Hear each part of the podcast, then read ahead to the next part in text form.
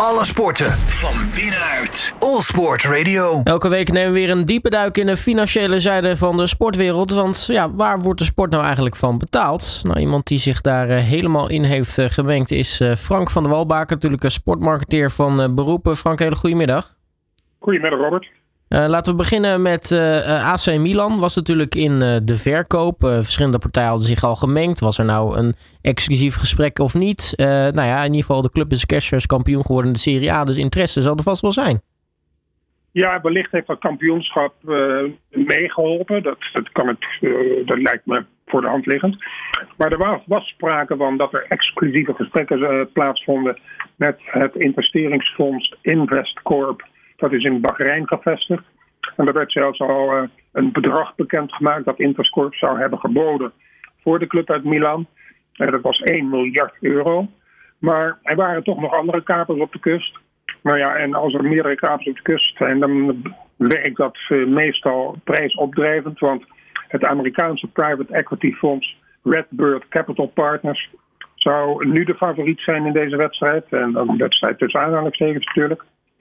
Uh, het bod van 1,3 miljard. Dus dat is toch niet een kleine verhoging. En uh, dat zou zelfs de komende jaren, dat zou een clausule in het conceptcontract zijn, kunnen oplopen naar 1,8 miljard. Afhankelijk natuurlijk van de prestaties die de club levert in de eigen competitie en in Europa. Uh, niet toevallig overigens is dat dat Redbird Capital Partners eigendom is van, van origine Italiaan meneer Cardinale. Ik vraag me af of het familie is van de mooie Claudia Cardinale. Maar goed, dat even als een terzijde. um, en datzelfde Redbird is trouwens niet nieuw in voetbal. Ze zitten ook al voor 750 miljoen dollars uh, um, verankerd in Fenway Sports. En Fenway Sports Group is weer de eigenaar van Liverpool. Zijn er natuurlijk wat eh, clubs altijd op zoek naar geld. Uh, Real Madrid is daar één van. Uh, al zou je denken, hè, zijn ze op zoek naar geld? Nou ja, ze hebben natuurlijk best wel wat uh, schulden daar in Spanje. Uh, en ze hebben volgens mij een, een nieuwe manier gevonden om nou ja, in ieder geval wat, wat extra centjes bij te verdienen. Ja, het is een, je kunt, kunt het inderdaad een nieuwe manier noemen, maar ik vind het eigenlijk gek dat ze daar niet eerder op gekomen zijn. Maar ja, beter later nooit. de club heeft dat besef dat er uit de markt meer te halen is dan alleen maar voetbal. Ze zijn eigenaar van het Bernabeu-stadion. en dat is kan meer zijn dan voetbal alleen. En de club heeft nu namelijk een 360 miljoen euro.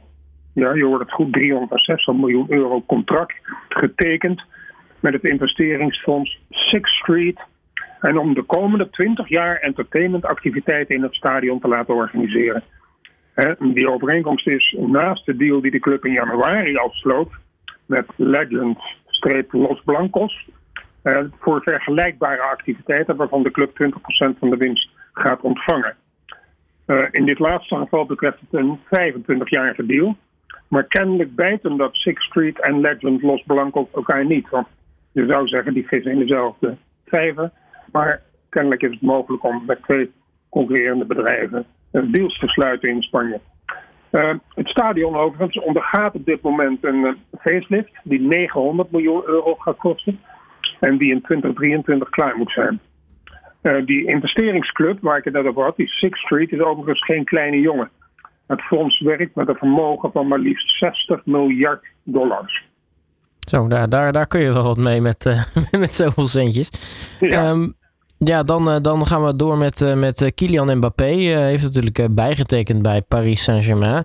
En uh, nou ja, als we het eh, contract een beetje doornemen, of althans dat heb jij gedaan uh, Frank, dan staan er toch wel behoorlijk wat interessante clausuletjes in.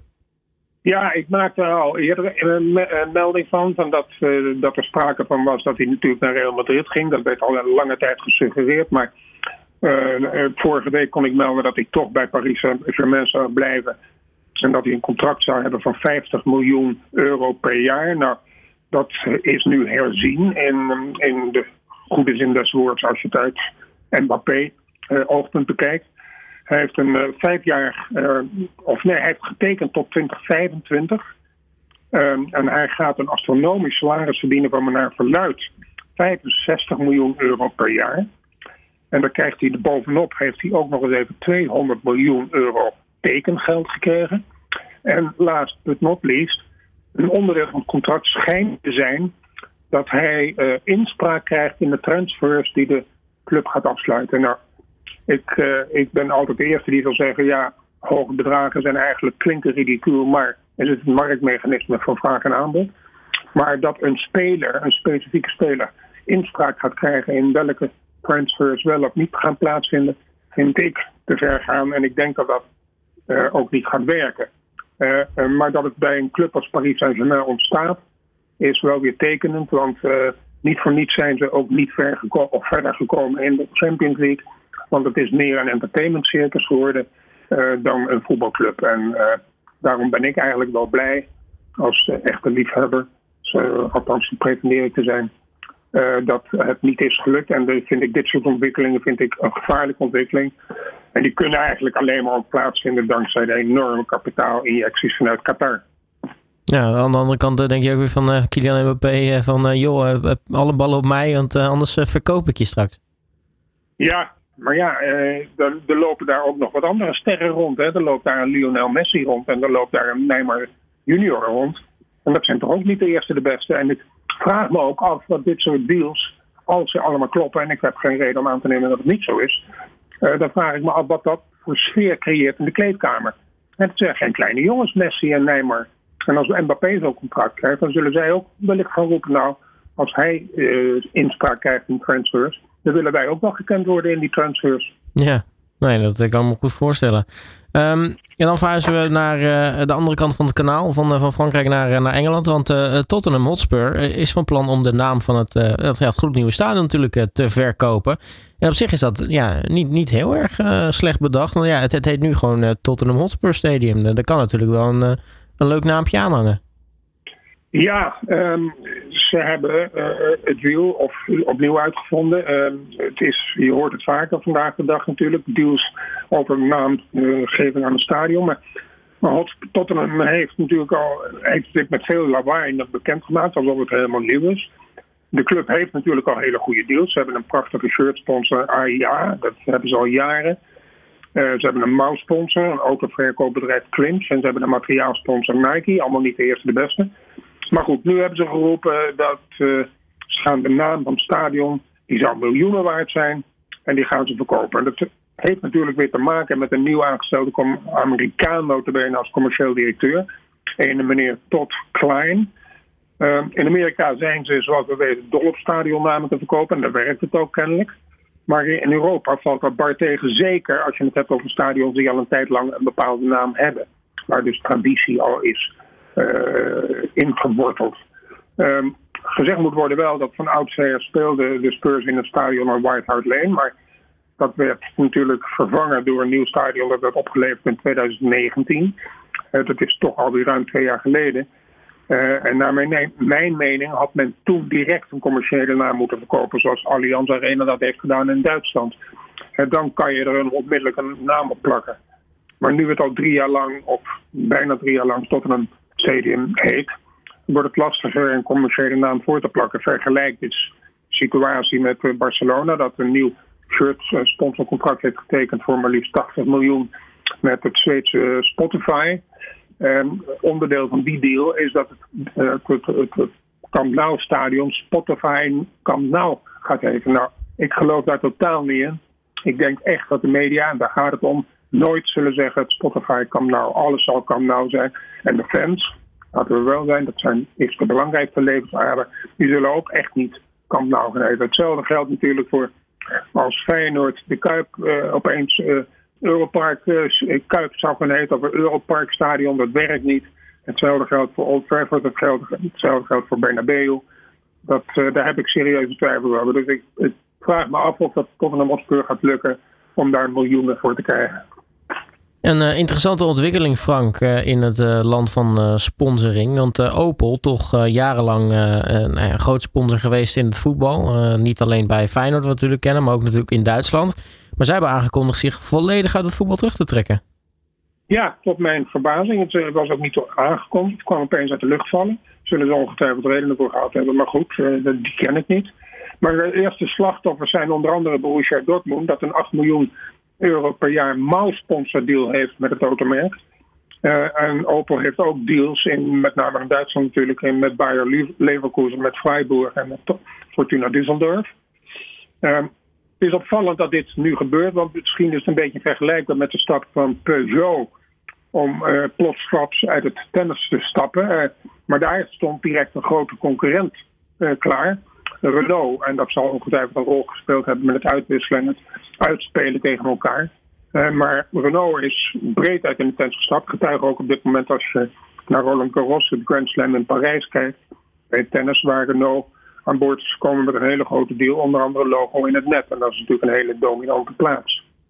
Ja, nu hadden we het uh, volgens mij uh, vorige week over in de uitzending van, nou ja, betekent dat dan ook wat voor het sponsorship met Djokovic bijvoorbeeld. En datzelfde, diezelfde vraag komt nu bij mij eigenlijk op van...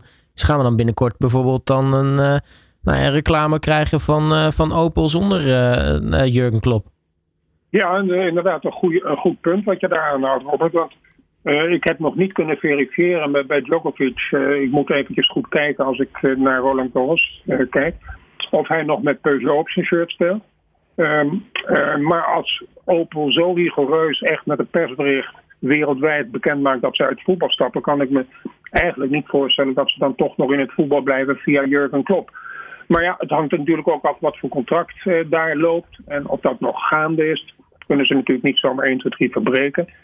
Maar uh, ik zou het een, uh, niet, niet, niet goed vinden om dan op één persoon wel te blijven, want dan is dat toch ook niet echt effectief. Hè? De Jurgen Klopp deal uh, werkt, omdat ze op, Opel nadrukkelijk aanwezig is in het voetbal. En dat je dan een topcoach ook adopteert, uh, daar heb ik alle begrip voor. Maar als je dat sec gaat doen, dan werkt het veel minder effectief.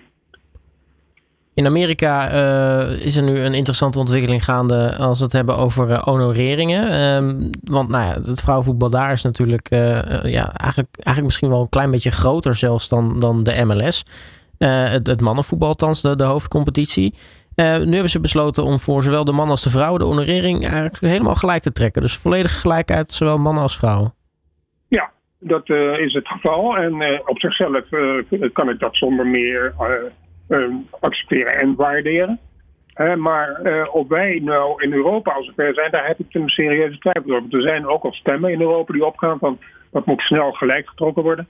Ja, ik ben het daar toch niet mee eens. Uh, niet omdat ik uh, tegen vrouwenvoetbal ben, integendeel, ik ben blij dat het zo groeit. Maar ik vind dat in de honorering in een sport aan atleten, daar moeten bepaalde factoren een rol spelen. En dat is onder andere het aantal bezoekers, uh, hoeveel sponsors zijn er en wat betalen die sponsors, de kijkcijfers.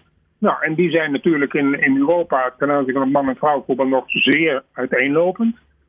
en ik vind dat er best sprake mag zijn van dat het naar elkaar toe groeit. Maar dat moet niet in één keer gelijk gesproken worden, want nogmaals, die factoren die ik net noemde, die spelen daarin een rol. Dan de Champions League, eh, die gaat natuurlijk eh, iets anders worden vanaf het seizoen 23-24. de UEFA heeft nu inmiddels de nieuwe opzet van die Champions League bekendgemaakt. Ja, er gingen al natuurlijk lange tijd al geruchten over rond. Ze hebben bevestigd inmiddels de meeste van die geruchten. Het gaat dan het aantal clubs dat deel heeft uh, wordt verhoogd naar 36 clubs. En die spelen acht uh, voorronde die in de voorronde acht wedstrijden spelen. In plaats van de tien oorspronkelijk. Maar twee van de vier extra startplekken zullen gaan naar de landen met de hoogste plek op de UEFA-ranking van clubs. en dat geldt dan natuurlijk voor het voorgaande seizoen. De prijzengelden gaan omhoog. En de kans is groot, en dat is goed nieuws, dat wij, en dan wij tussen aanhalingstekens, Nederland dus, direct twee startplaatsen willen gaan krijgen en een derde voor de voorrondes. En dat is natuurlijk heel goed nieuws uh, voor de Nederlandse clubs in onze eredivisie. We dan kijken naar uh, de gokwereld. nou ja, Nederland is natuurlijk wide open. Hè? We, sinds, sinds kort. we zien allerlei reclames op televisie voorbij komen van verschillende gokpartijen. Ehm, maar terwijl die ontwikkeling in Nederland gaande is, in Engeland, het, misschien wel het bakermat van het gokken in de sport, in Europa althans. Uh, die zijn nu alles juist proberen zo'n beetje zo goed mogelijk aan banden te leggen wat kan. Ja, het is, uh, het is uh, wel opvallend over dat wij pas in, inderdaad sinds oktober vorig jaar het gokken legaal is uh, via sport.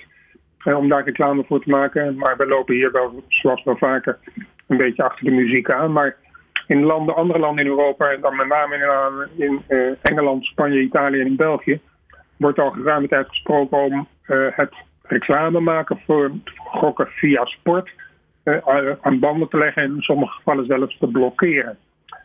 ik kreeg vanochtend vanuit Engeland het nieuws tot me dat vanaf het 23, 24 seizoen het volledig aan banden wordt gelegd.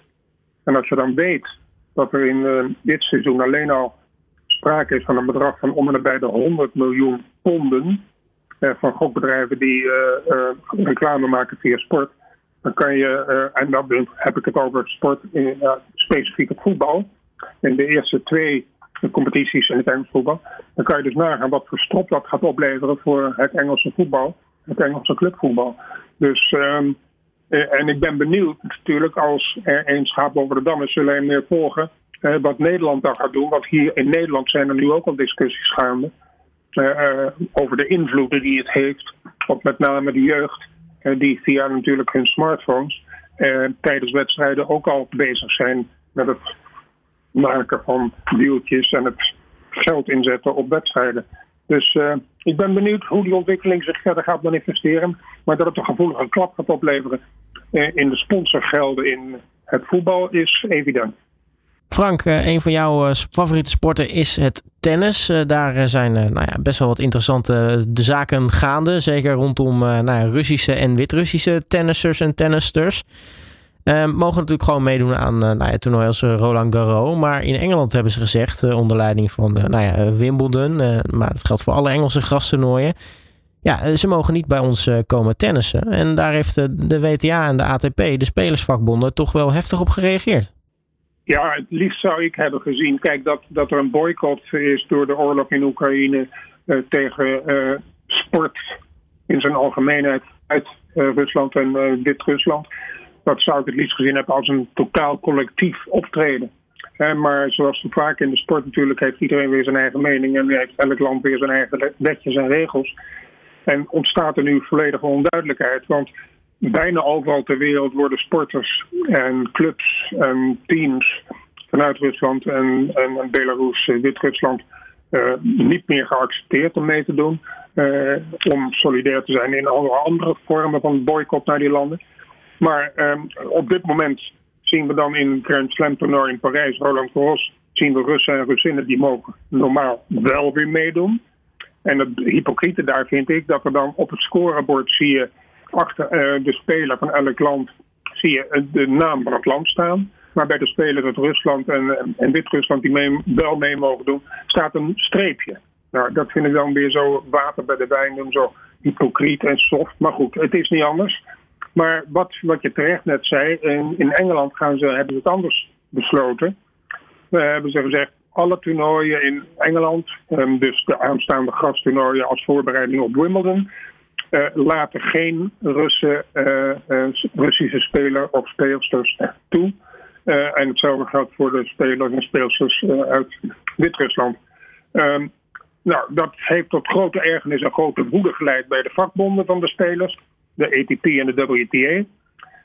en die hebben nu besloten, en dat vind ik wel heel erg drastisch, om de Engelse toernooien, inclusief dus Wimbledon, te boycotten voor wat de punten voor de wereldranking uh, betreft.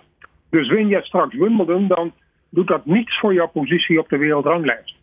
Nou, dan is dat sportief gezien natuurlijk al heel vervelend, want het zijn wel duizend punten toernooien, die Grand Slams. En met duizend punten kan je, maak je, kan je zomaar in één keer een sprong maken van, uh, van plaats 20 naar plaats 1, bij wijze van spreken.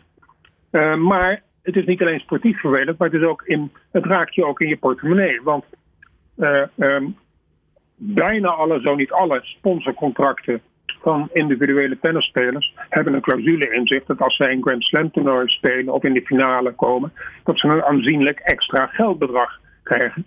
Uh, en datzelfde geldt, en nu komt het, als zij stijgen op de wereldranglijst. En die stijging die gaat nu dus niet plaatsvinden. Dus ze kunnen Wimbledon winnen, maar ze stijgen niet op de wereldranglijst. Dus ze lopen een bepaalde bonus mis. Dus enerzijds verwacht je van je vakbond dat ze jou beschermen als speler. Maar tegelijkertijd is er hier sprake van dat ze je eh, behoorlijk in, in je voet schieten.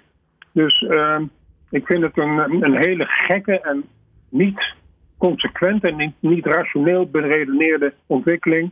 Uh, die de individuele atleet uh, gaat, gaat, gaat, ja, gaat niet gaat sparen in ieder geval. En zeg maar rustig slecht gaat doen voor de meeste atleten.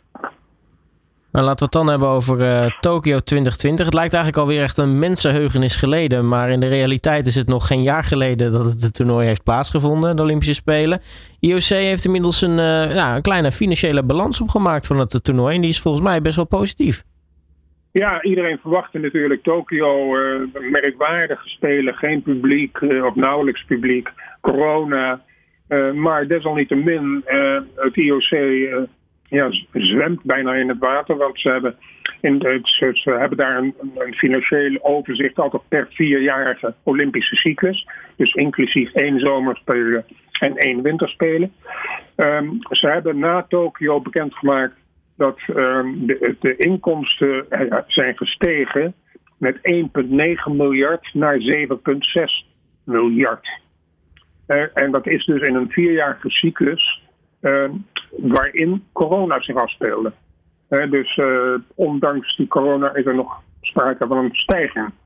De, wat sponsoring betreft, de top, zo heet dat, de Olympic Program partners van het IOC brengen overigens jaarlijks, en dan heb ik het dus niet over vier jaarlijks, maar jaarlijks gezamenlijk een bedrag binnen van 835 miljoen. Ehm, dat is dan ook in een vierjarig contract waarin zo'n Olympische Spelen zitten van de winter en zomer.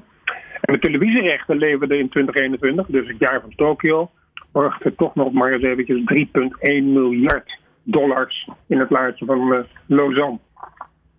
Ja, dat is, uh, dat is niet verkeerd uh, in ieder geval. Um, dan de Formule 1, daar sluit natuurlijk eigenlijk altijd mee af. beginnen met de, Grand Prix van Miami. Want uh, nou ja, dat de Formule 1 uh, eh, populair aan het worden is uh, in de VS, dat, dat leek in Miami toch wel duidelijk. Want ze hebben de meeste kijkers eigenlijk ooit getrokken voor Formule 1 in de VS. Ja, en dat is best wel opvallend. We, hadden al eerder geconstateerd dat Liberty Media, de, de Amerikaans eigenaar van het Formule 1 circus, zijn ogen heeft gericht op de Verenigde Staten. En dat is niet alleen omdat ze natuurlijk Amerikaans zijn, maar ze zien daar brood eh, ehm, en dat werd bevestigd door de Miami race. Uh, ik vind het overigens best nog wel opvallend dat het zo stijgt, die populariteit. En ik zal zo wat cijfers noemen. Maar dit ondanks het feit dat er nog steeds geen Amerikaanse coureur in het circus meedraait. Wel een Amerikaanse stal hè, van Haas. Maar die doen vooralsnog niet mee voor het podium. Uh, dus ehm, ik ben ervan overtuigd dat Liberty zeer koortsachtig bezig is met alle teams te praten. Want kunnen jullie niet een Amerikaanse coureur in jullie stal opnemen, zodat we nog meer kijkers trekken. En straks komt er nog een Las Vegas race bij. Nou, daar is het natuurlijk helemaal circus. Maar goed, hoe dan ook, Miami uh, trok via ABC, de zender, meldde dat 2,9 miljoen mensen hebben gekeken. En dat is voor een Formule 1 race in Amerika heel hoog.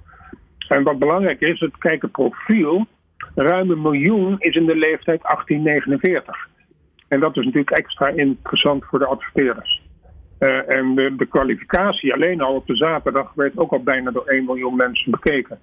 Dus uh, die ontwikkeling zit erin. En ik vrees voor ons Europeanen dat uh, Amerika um, een bepaalde voorkeursbehandeling gaat krijgen van Liberty. En daarom wordt er natuurlijk nu ook al met ja, veel pijn gesproken over het schrappen van de kalender van Spa uh, in België. Toch het een van de favoriete circuits van de rijders.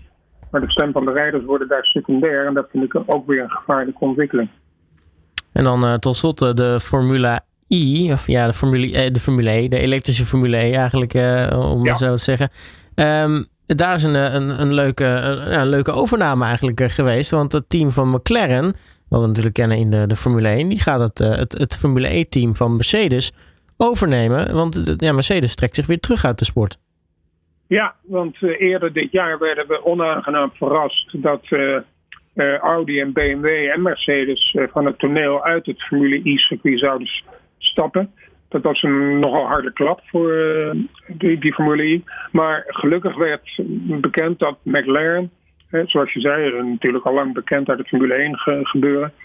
Uh, werd op tijd wakker en zij hebben het Mercedes Formule E-team gekocht. En zullen vanaf volgend jaar als McLaren Racing uh, het Formule E-circus uh, betreden. Dus dat is een goed signaal. En wellicht is daar ook weer een schaap over de dam effect. En wellicht volgen er meer. Hey Frank van der Wolbaken, mag ik je hartelijk danken voor je tijd en spreek je natuurlijk snel weer. Oké Robert, dankjewel. Alle sporten van binnenuit. All Sport Radio.